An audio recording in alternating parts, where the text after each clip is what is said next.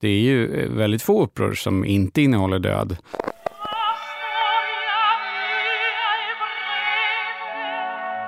Det här är Fantastiska mord, Kungliga Operans podd med David Silva. Döden är livet helt enkelt. Med regissören Linus Fällbom och i en studio i Malmö sitter författaren Nene Ormes. En uh, operatic death är ju en klassiker. Gärna utdragen, så man får chans att prata om hur mycket man dör. Hej, välkommen till Operans podd. Jag heter David Silva och idag har jag bjudit in regissören Linus Fällbom som sätter upp Victoria Borisova-Ollas opera Dracula på Operan i höst. Och författaren, tillika bokhandlaren, Nene Ormes, skapare av urban fantasy-böckerna om Udda som utspelar sig i Malmö.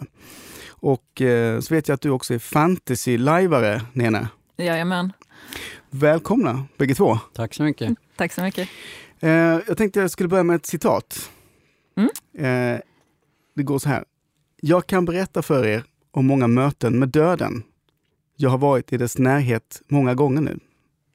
Det här är en replik ur första akten av Dracula som alltså får sin urpremiär på Kungliga Operan den 28 oktober. Känns som en ganska bra ingång på ett samtal om just döden och om hur det är att möta den i konstens fantastiska värld. I den här podden som alltså handlar om fantastiska mord. Du kände igen den där raden Linus? Mm. Jag gjorde det. det bra. Eh, ja, precis. Det lustiga är att den är struken. Ja, vad bra. Ja. Men, fick det komma med här i alla fall. Men den passade ju väldigt bra. Det lät ju väldigt bra när du läste den nu, ja. så att, eh, vi kanske ska ta tillbaka den. Du, eh, Linus, jag tänkte börja med, lite med dig här. Mm. Du är uppvuxen på teatern kan man säga. Ja, jag är ju det. Dina föräldrar grundade Folkoperan och du började tidigt som ljusdesigner, ja. berättar jag för dig nu. Ja, Om du inte visste ja, det själv.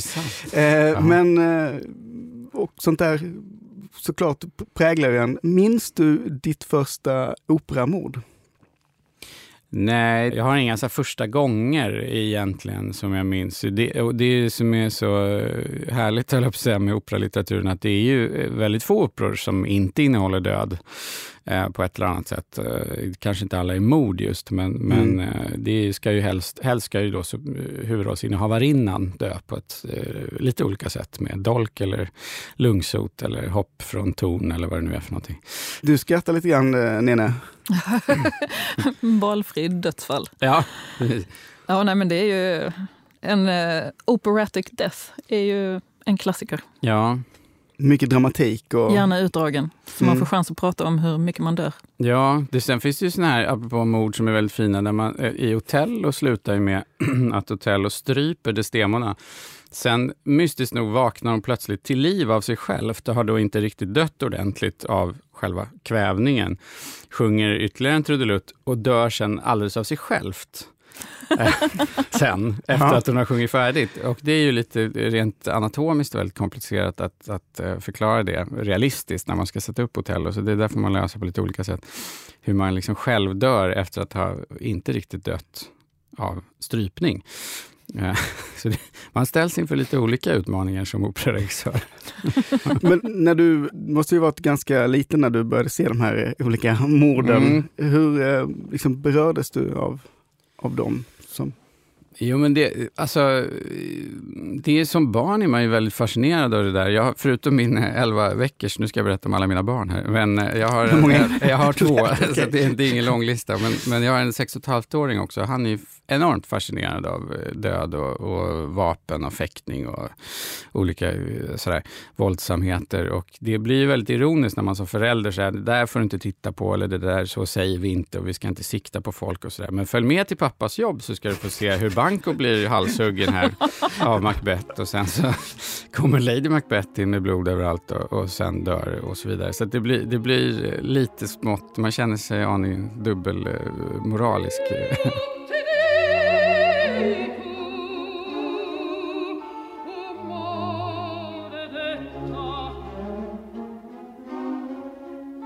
Nene, du är ju fantasyförfattare och har eh, dessutom fri tillgång till den bästa fantasy och skräcklitteraturen eftersom du jobbar i en science fiction-bokhandel.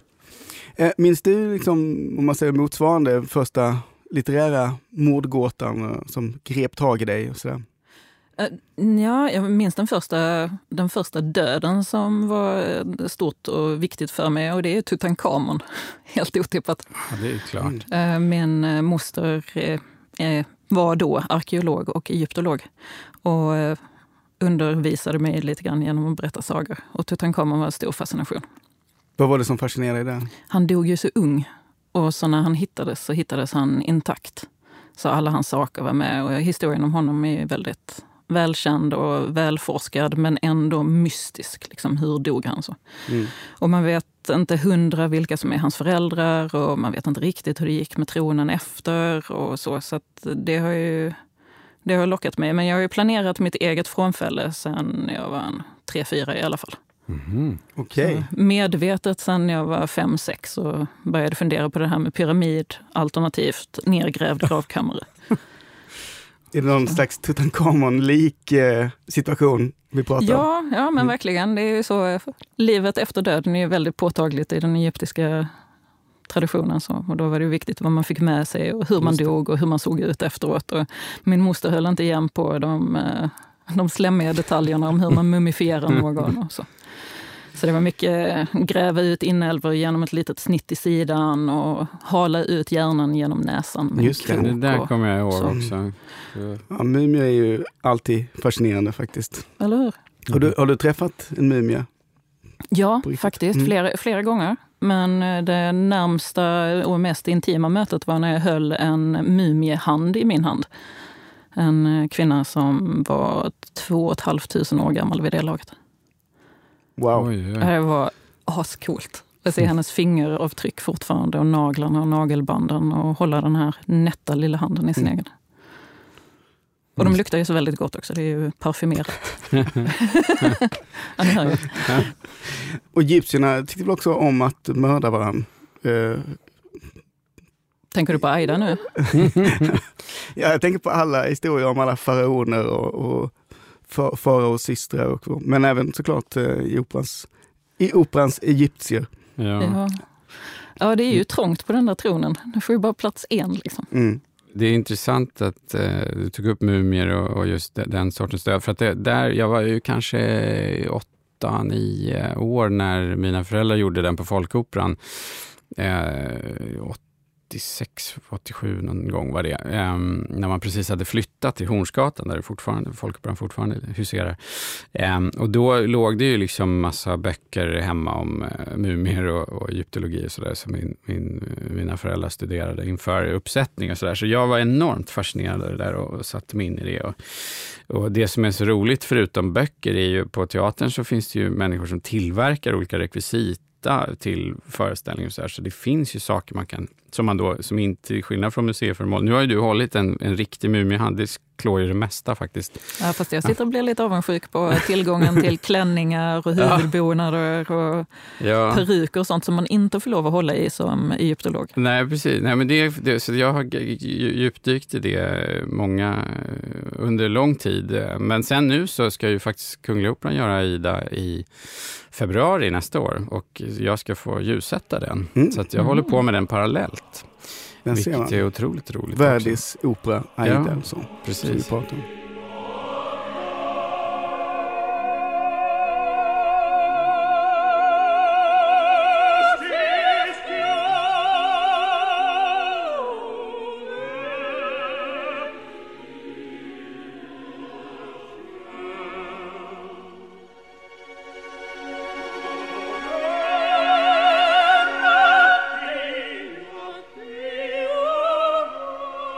Jag tänkte gå tillbaka till dig Nene och eh, prata lite grann eh, mer om mord i, i litterära sammanhang. Här. Din debutroman Udda verklighet handlar ju om ett par bästa vänner som ger sig ut för att utforska huvudpersonens eh, mardröm. Hon heter Udda och de hittar ett brunnslock nedfläckat med blod. Mm. Och det börjar alltså med ett mord eller en våldshandling och det är en ganska klassisk ingång i en historia. Varför är det en så bra ingång och början på en berättelse. Mord. Det är ju en väldigt avslutande handling. Det slutet för något blir ju dramatiskt direkt. Det är en uppenbar krok. Och det följer ju på vår fascination för hur kort livet är och vem som bryr sig när det tar slut. Och sen är ju bilden av blod, är ju, den är ju ikonisk också. Eftersom ja, vi är ju, vi består ju i princip av det, livets vätska. Mm.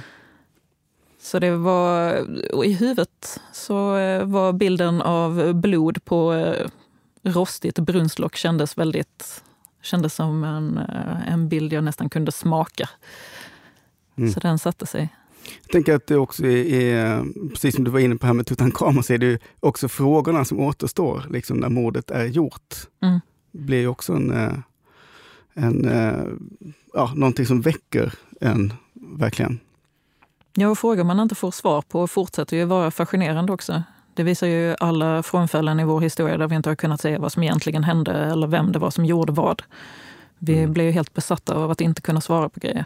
Och det håller man läsaren ovetande ett litet tag så har man ju dem med sig i så fall. För min del så var det viktigare att göra det, oh, det låter också väldigt kallt, det var viktigare att ge udda äh, ångest än vad det var att lösa vad som hade hänt hon som dog. Ah.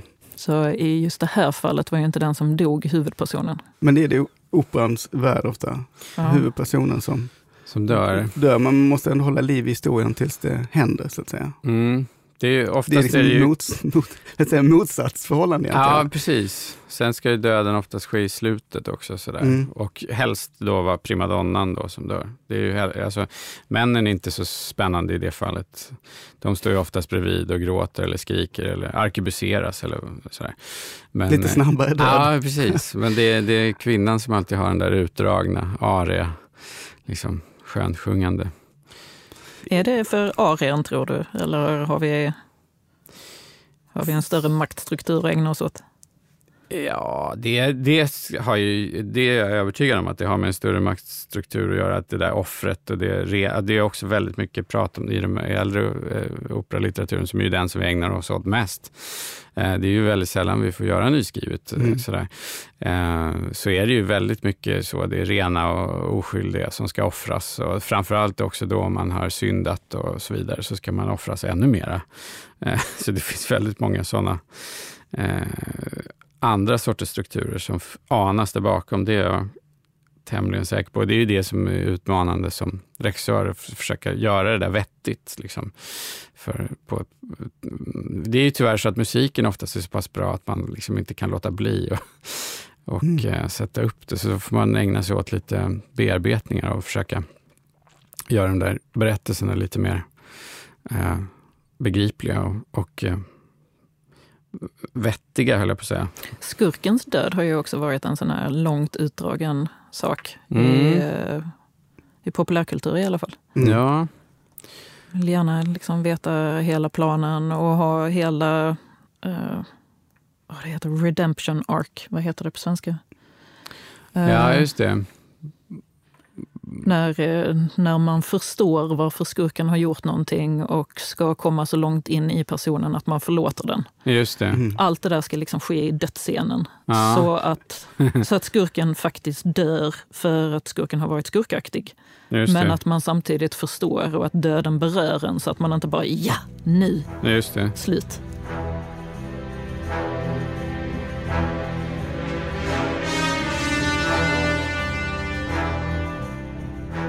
Jag har börjat genast tänka på olika James Bond-skurkar. det, de, eh, det kommer jag också att tänka på. Berätta också hur man ska Ja, där ja. är det ju hur de ska döda James Bond. Ja, det är faktiskt sant. Det är sant. Det är before I kill you, Mr Bond.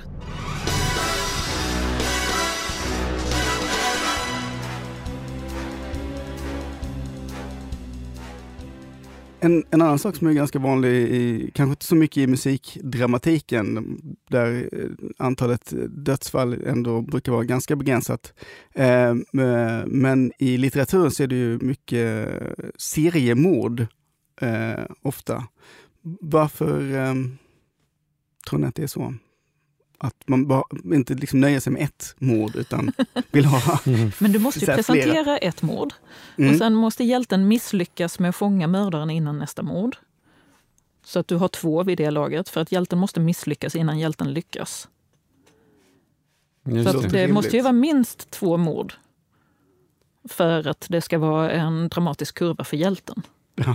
Och sen gärna ett hot om ett tredje som Ja, hjälten det är lyckas det också, avstyra. att det driver ofta det där hotet om att när ska det hända igen? Och, Mm. Nu har det hänt, nu åker vi till brottsplatsen och så hittar man vad har han gjort nu då? Eller hon.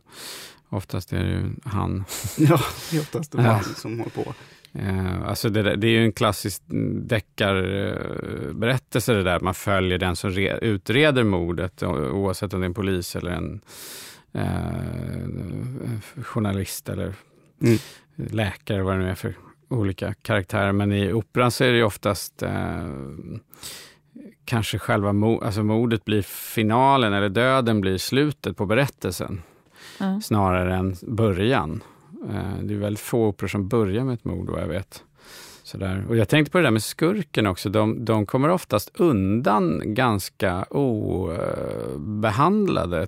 För jag försökte tänka på vilka skurkar som dör i olika operor. Och jag har precis eh, gjort Lucia di Lammermoor i Bologna i Italien och där kommer han som är liksom mest ondskefull och, och sätter ihop hela plotten där. Han bara försvinner ut. Han, det talar man inte om, utan där, där dör ju hon i sin vansinnesdöd och sen tar hennes eh, käresta tar livet av sig där och sen går ridån och så är det klart. Liksom.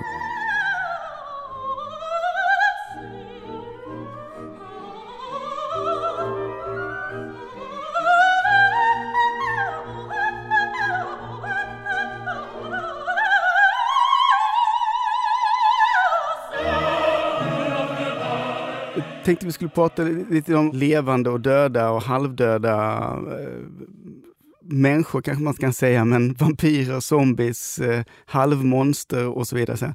Vad handlar det där om egentligen? Ja, nu ska vi diskutera människans eh, behov av att sätta saker utanför sig själv och Ja. prata om, eh, om det monstruösa som något annat i vi och dom-termer. Mm. Det är ju det. det är, jag vet ju inte hur långt bak man kan sträcka sig, men eh, i alla fall eh, Dracula 1800-talet och däromkring när Jack the Ripper-paniken gick och folk började prata om massmördare för första gången, eller seriemördare framförallt, för första gången, så, eh, så kommer ju också ett otroligt intensivt behov av att sätta det som någonting annat än bara vilken människa som helst. Mm. Just det. Innan dess har vi ju haft all form av folktro, men då har det också varit andra väsen och det har varit på riktigt någon annan som har stått för saker, eller gudar eller, eller någon form av besatthet. Men när det kom där så, så är det något som är nära människan, men inte helt. Du nämnde Dracula här. Ja. eh, Det kan ju föra oss tillbaka till, till eh, Dracula. Linus, du klädde dig också eh, ganska mycket i svart, eh, höghalsade, hellånga svarta rockar ett tag. Jag, ja. Ja. ja. Vad har du för relation till, till eh, Dracula, Linus? Ja, det är väl det där med modegrejen är väl lite mer av en allmän eh, sådär, släng av någon gotisk steampunk-fascination sådär som har suttit i sen länge. Det är ju också en sak, det är ju en parentes, men, men eh, skurkarna i operalitteraturen har alltid, alltid, alltid snygg, snyggast kläder och Mm. bäst musik. Ja, men eller hur? Det är liksom alltid så. Det går ju lite så i filmgenren också, men, men operorna är tveklöst så. Det, det liksom går inte att komma ifrån. Så jag klädde alltid ut mig till, till skurkarna i operan när jag var liten, liksom hemma. Så här, eh, byggde olika kostymelement och, så här, och tillverk som, som vanliga barn klär ut sig till, eh, vad det nu är, Batman eller Ninja Turtles eller vad det är. Så, så ägnade jag mig åt Du olika har sett dem skarpiga. Ja, exakt. Skarpia, Soniga och eh, jag och... Eh, Har man tillgång till en opera så har man. Ja, Ja, man, man jobbar med det man har helt enkelt. Men det är ju stiligt. Jag tycker det är snyggt med svart, helt uppenbart. Även Ja, du idag. är svartklädd även idag. Ja, Ja. jag har i och för sig en lite grön eh, kavaj också, Mm. men, men eh, jag är ganska sparsmakad med färger. Sådär. Du är ju gott sällskap här. Eller hur? Som eh, gotare, svartrockare och vampire-lajvare så har jag verkligen inga höga hästar att sitta på. Nej, det där låter ju fantastiskt tycker jag. Vampire-lajvare? Ja. Va, vad gör man Vampire då? the Masquerade är ett eh, rollspel från eh, är det slutet av 80 början av 90-talet. Som eh, sen började spelas, eller Vampire var ett rollspel. Vampire the Masquerade är en, eh, en live-version. Så att man spelar vampyrer i, i vardagen, i verkligheten, fast inte dagstid vanligen, för eh, vitt, Ja, vit corpse paint gör sig bäst på natten. Ja.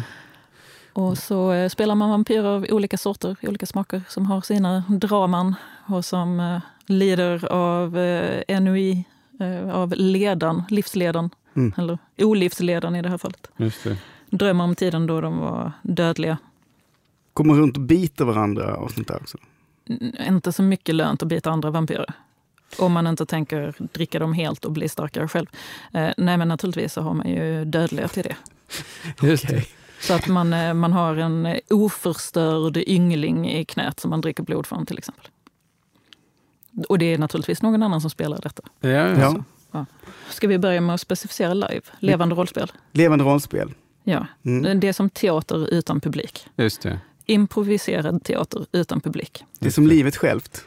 Ja, Ja, man skulle kan kunna man säga, säga. fast på en högre nivå. Ja.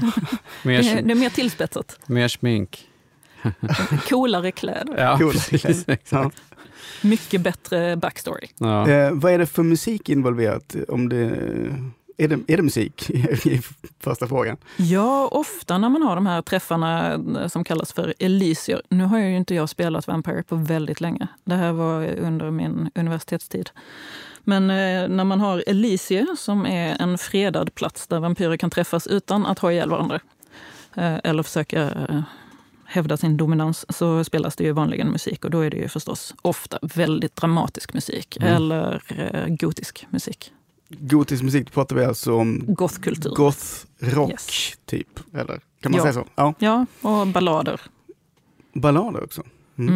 Mm, gotballader. Det är fint. Vad är det Mm. för, ehm, bara för att få liksom känslan, vad, vad kan det vara för artister som vi pratar om då? Ett av mina favoritband då var Daine Lakajen.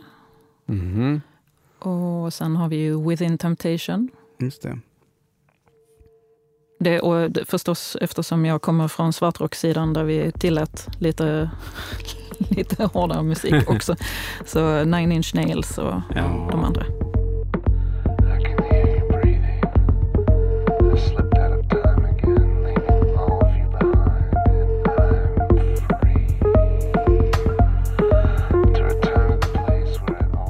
Det är ju det är ju mina husgudar. Du känner igen eh, det här goth-rockandet? Ja, eh, framförallt eh, Nine Inch Nails är ju en av mina stora eh, sådär, eh, kanon kan man säga.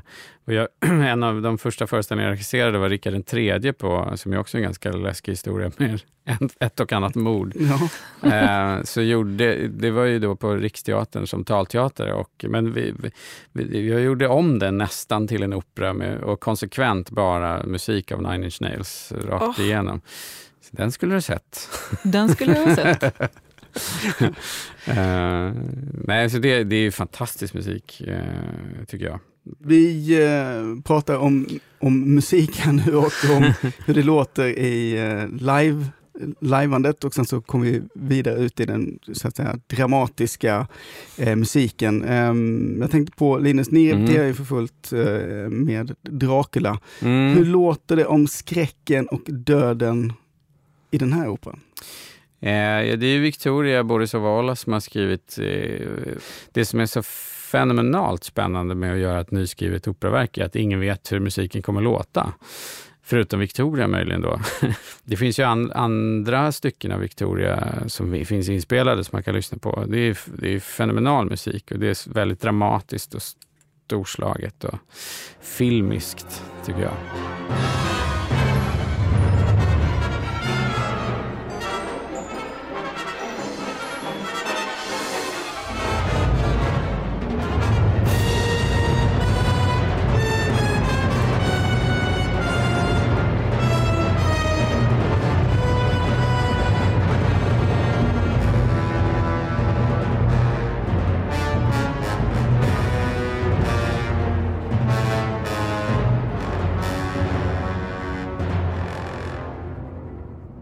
Det som är roligt med, med att jobba i en sån här genre med, med en berättelse som Dracula så finns det ju en och annan, ett och annat grund att köra på. Samtidigt som man förväntar sig också, man köper biljett för att gå och se Dracula som Mm. Så vore det ju konstigt om det var fågelkvitter och solsken. Och, eller Ja, liksom, jag skulle bli väldigt besviken. Ja, men eller hur. Det, och jag med. Jag, alltså, så att vi, och, och, om man inte fick se något blod eller man, Mm. så här. Så att vi, vi, vi inser att vi måste infria vissa förväntningar. Både vi som gör iscensättningen och, och Victoria som står för musiken. och Så, där. så att det, och, eh, tack och lov så har Victoria verkligen eh, gett sig hän med, med det är kyrkorglar, flyglar, och Oho. cembalos, jättekörer. Och sådär. Det är en stor orkester Ja. och 56 personer i kören. Och sådär. Så att det, det är väldigt eh, ösigt, om man säger så. Ja, men Dracula förpliktigar ju. Ja, verkligen. Eh, Nene, vad- hur tycker du att eh, döden ska låta, så att säga? Du reagerade ju positivt på beskrivningen här. Ja, men- för att det passar med, passar med min bild av vampyrer. Även om jag har Mm. spelat modern vampyr så är ju vam- vampyren... Sinnebilden för vampyr för mig är en eh, någonstans mellan den vackra Dracula och den, eh, den fula Nosferatu. Just det. Mm. Och båda de behöver ju skuggorna att vara i, för man kan ju inte vara vacker jämt, inte ens Dracula. Liksom. Han, har ju, han har ju det här falska ansiktet som han Mm. visar upp. Så det kräver ju en väldig dramatik och kyrkorgel och Mm. Dracula. Mm. Det sitter ju jätte, jättefint. Nosferatu hade jag nog kunnat tänka mig nästan sådär atonalt skrapande Mm. naglar på griffeltavla. Jag skulle lätt kunna se lite Neubauten kedjerassel där. För att det är mer eh, utanförskapet i Nosferatu är större. Just det. Medan Dracula är ju drömmen om evigt liv och eh, att suga i sig ungdomen från någon annan. Och, Mm. och att det då råkar vara unga kvinnor precis i början är ju ingen slump heller. För det, då är det ju möjligheten till framtida barn och allt det Mm. där. Mm. Och det var ju mycket som man tänkte på när, det, när den skrevs, men det är ju fortfarande någonting som, eh, som lockar oss. Tanken på ungdomen och ungdomens potential och att den då sugs ut av någon som är, som är en stor fästing.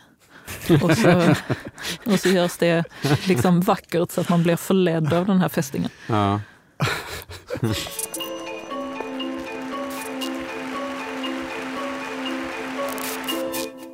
Det som på något sätt eh, fascinerar då med döden är livet helt enkelt. Ja, alltid. Ja, det är väl som, som du var inne på där i början, var, det finns det ju ingen liv utan död, så att säga. Typ om, om ingen dör så finns det inget, alltså, det är ju det är ett motsatsförhållande som förutsätter varandra, så att säga. Och det är den enda sak vi blir garanterade i början. Just det. Precis. Eh, Eller åtminstone hittills. Ja. Hörrni, tack så jättemycket för att ni kom till eh, vår podd här. Tack. Och, eh, jag tackar, Tack för att ni ville ha oss. tack så mycket Linus eh, Fällbom, regissör och eh, författare Nene Omes. Tack ska ni ha. Tack Ja, själv. tack själv, det här var ju jätteroligt.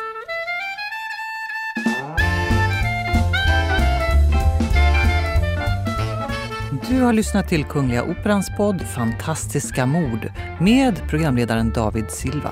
Musiken i podden var hämtad ur Verdis operor Macbeth och Aida. Ledmotivet ur James Bond av Howard Shore. Donizettis Lucia di Lammermoor, låten Lesson Lovers av gruppen Nine Inch Nails och så Victoria Borisova Ollas första symfoni. Jag som är producent heter Sofia Nyblom och podden görs hos produktionsbolaget Munk.